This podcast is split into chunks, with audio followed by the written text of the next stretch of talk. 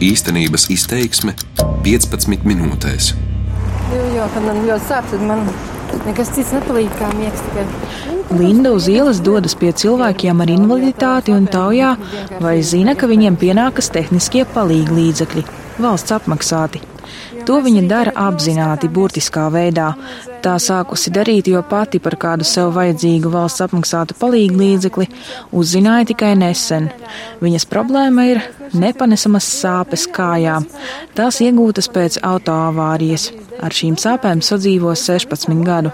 Sadzīvošana notiek visdažādākajos veidos, pat izmantojot miega zāles, kad pretsāpju zāles nepalīdz. Tas, kas nu, nekad nav tādā sāpēs mocījies, to nevar iedomāties neviens. Savā dzīvē secinājusi, ka daudz ko var atrisināt vai vismaz mazliet uzlabot, zinot informāciju. Viņas gadījumā par to, kas viņai pienākas. Redījumā klausieties par Lindas silas sadzīvošanu ar sāpēm un kā dzīves kvalitāti var uzlabot informācija vai tās trūkums. Kad Lindai bija 16, viņa iekļuva avārijā. Tagad pagāja 16 gadi un viņai ir pāri 30. Nelaime atstājusi nopietnas sekas, kuras izjūt arī tagad.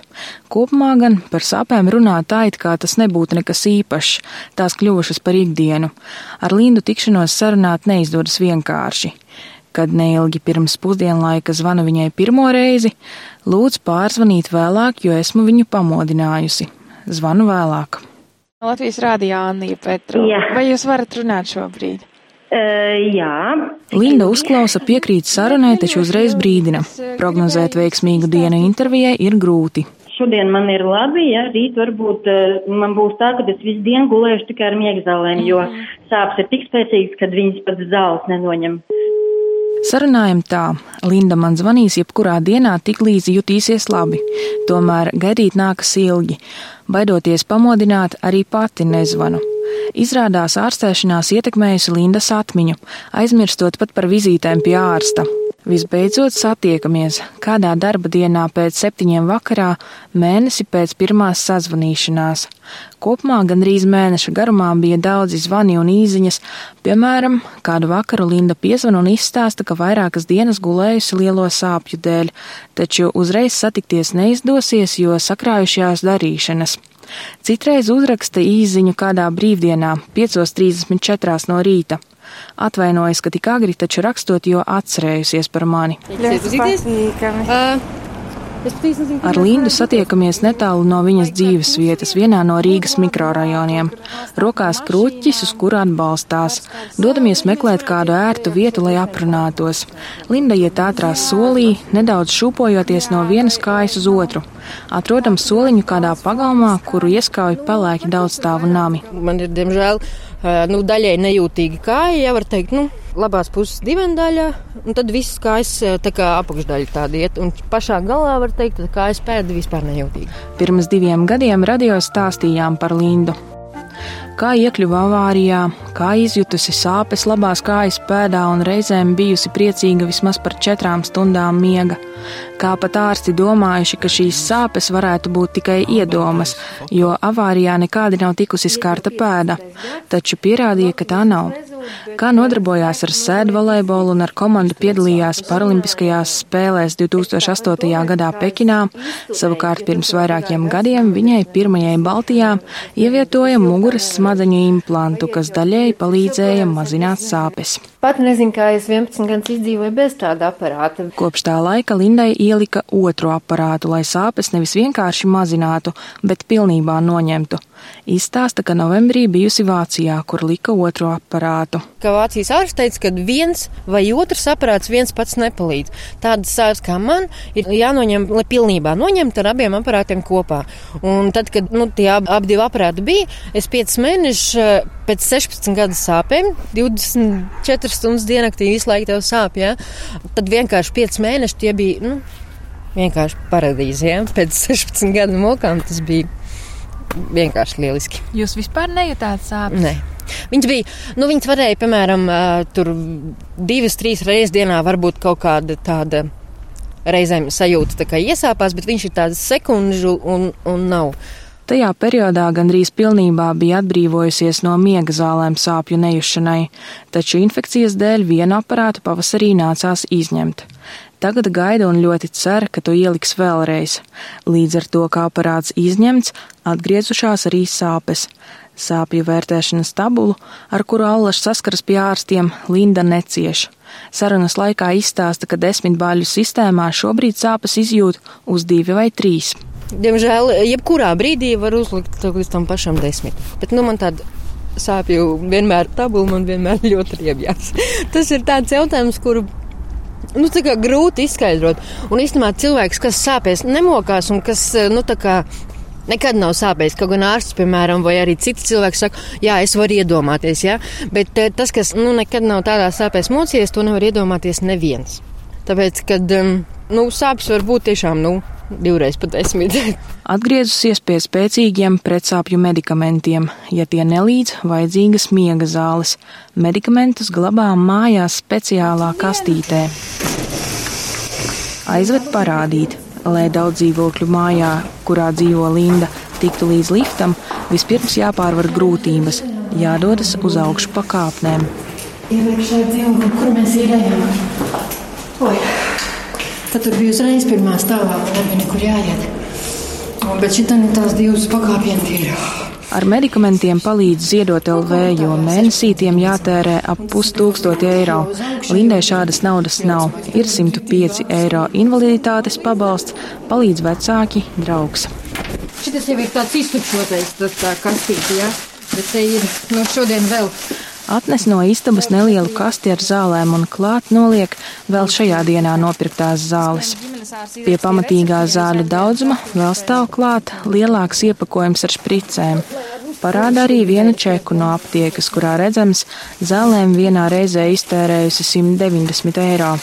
Par iepriekšējo mēnesi kopumā tie bija 560 eiro. Katru gadu palielinās cilvēku skaits, kas vēršas labdarības organizācijās dažādu medikamentu apmaksai, atzīst ziedot LV vadītāja Rūta Dimanta. Piemēram, šajā brīdī palīdzība zāļu iegādēji vajadzīga 53 cilvēkiem. Kopumā viņiem vajadzīgi 1,3 miljoni eiro no sabiedrības, un tas ir daudz, vērtē Dimanta. Viena daļa, piemēram, pensionāri, viņi lūdz salīdzinoši mazākas summas. Otrai daļai savukārt ir, piemēram, onkoloģiskas saslimšanas saslimšanas, un viņi lūdz palīdzību ļoti dārgām zālēm, kas izmaksā piemēram 13 tūkstošus eiro. Mēs skatāmies, ka vidējā alga Latvijā uz rokas ir virs 600 eiro, 650, tad Nu, tās ir summas, ko nav iespējams sekt no ģimenes budžeta. Turklāt tie, kas vēršas pie ziedotājiem, esot tikai aizberga redzamā daļa. Vairums izvēlas zāles nelietot, norāda Dimanta. Izšķiras vērsties pie ziedotājiem bieži vien cilvēki, kuriem ir mazi bērni. Un vēl ļoti raksturīgi esot, ka pie sabiedrības pēc palīdzības vēršas cilvēki, kuri jau cieši sāpes un bez zālēm nevar iztikt, kā Linda. Tomēr bez zālēm Lindai vēl arī vajadzīgas palīgi ierīces, tehniskie palīgi līdzekļi cilvēkiem ar invaliditāti. Piemēram, viņai ir krūķis, speciāla ortoze, kas palīdz noturēt pēdu, un tagad arī speciāla muguras korsete. Ja es vienkārši teikšu bez kruķa, tad uh, ļoti ātri sāk sāpēt mugura, ja man tālu ir jāiet. Jo es visu laiku šūpājoties, tad eju bez tā kruķa, ja, tad uzreiz mugurā ir kaut kā nepareizi kustās, un tad man nu, ļoti ātri sāp sāpēt muguru. Tāpēc arī bez kruķa iztiek mājās un agrāk darbā, kad strādāja par pārdevēju. Ortoze notur pēdu, lai tā nenokarājas. Jo, ja nebūtu ortoze, tad sanāk tā, ka visu laiku tā jāceļ tas kāja, jo viņi karājās tā, ja, un tad viņi visu laiku jāceļ uz augšu. Ortoze neņem nost pat naktī, jo pretējā gadījumā rodas sajūta, ka sagēr smaga un it kā laužot kāju. Ir Lindai arī speciāla korsete visas muguras garumā. To lielākoties lietoties lieto mājās. Tā kā es eju bez kruķa, ja mājās, tad es arī tā kā bez kruķa laiku tā šūpojoties eju, ja, un tad, nu, tā korseta bišķiņa tā kā stabilizē, lai man tik šausmīgi stipri nav tā, nu, tā kā deformācija tam iegurņiem.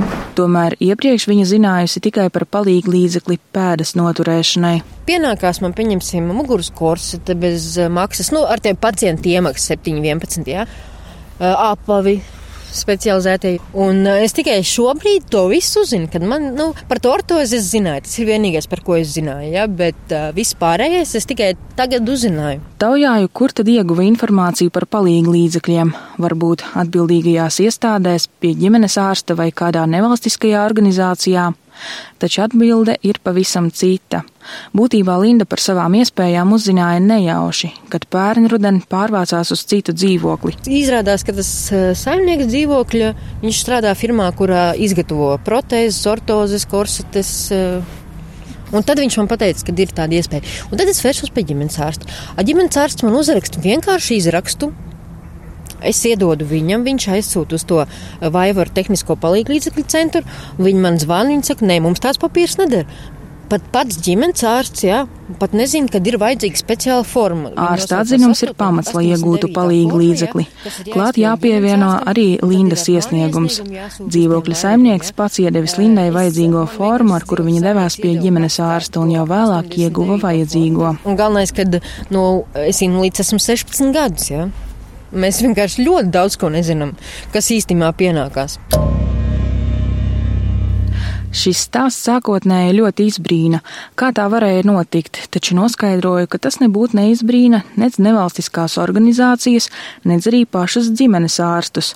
Lai arī Labklājības ministrijā skaidro, ka ģimenes ārstiem novada informāciju par tehniskajiem palīglīdzekļiem gana regulāri, tomēr ārsti saka, ir tik daudz visādu papīru, ka būtībā mums ir ļoti liela problēma. Tāda, kad mums atsūta, teiksim, ministra kabineta noteikums, mums viņi ir jālasa cauri tikai. Ģimenes ārstu asociācija cenšas informēt ārstus par izmaiņām, tajā skaitā saistībā ar tehniskajiem palīglīdzekļiem. Tomēr arī asociācijai nav lielu resursu to darīt, vērtē valsts galvenā ģimenes ārste Ilze Aizsilniece. Savukārt atbildīgās iestādes par izmaiņām vēstīja formāli. Turklāt problēmas skar ne tikai tehniskos palīglīdzekļus.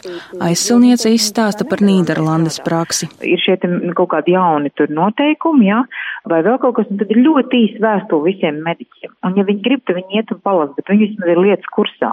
Ģimenes ārstiem pat nebūtu jāsaskaras ar palīglīdzekļu jautājumu, uzskata cilvēku ar īpašām vajadzībām sadarbības organizācijas sustento vadītāja Gunta Anča. Būtu vajadzīga vieta, kur cilvēks varētu aiziet pie speciālista un saņemt konsultāciju kopumā.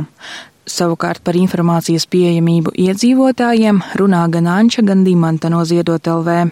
Abās organizācijās saskaras ar to, ka cilvēkiem regulāri jāizskaidro ceļš, kā saņemt to, kas viņiem pienākas. Labklājības ministrijā tikmēr norāda, ka izsmeļoša informācija atrodama atbildīgo iestāžu, tajā skaitā ministrijas mājaslapā. Tāpat cilvēks var doties uz savas pašvaldības sociālo dienestu.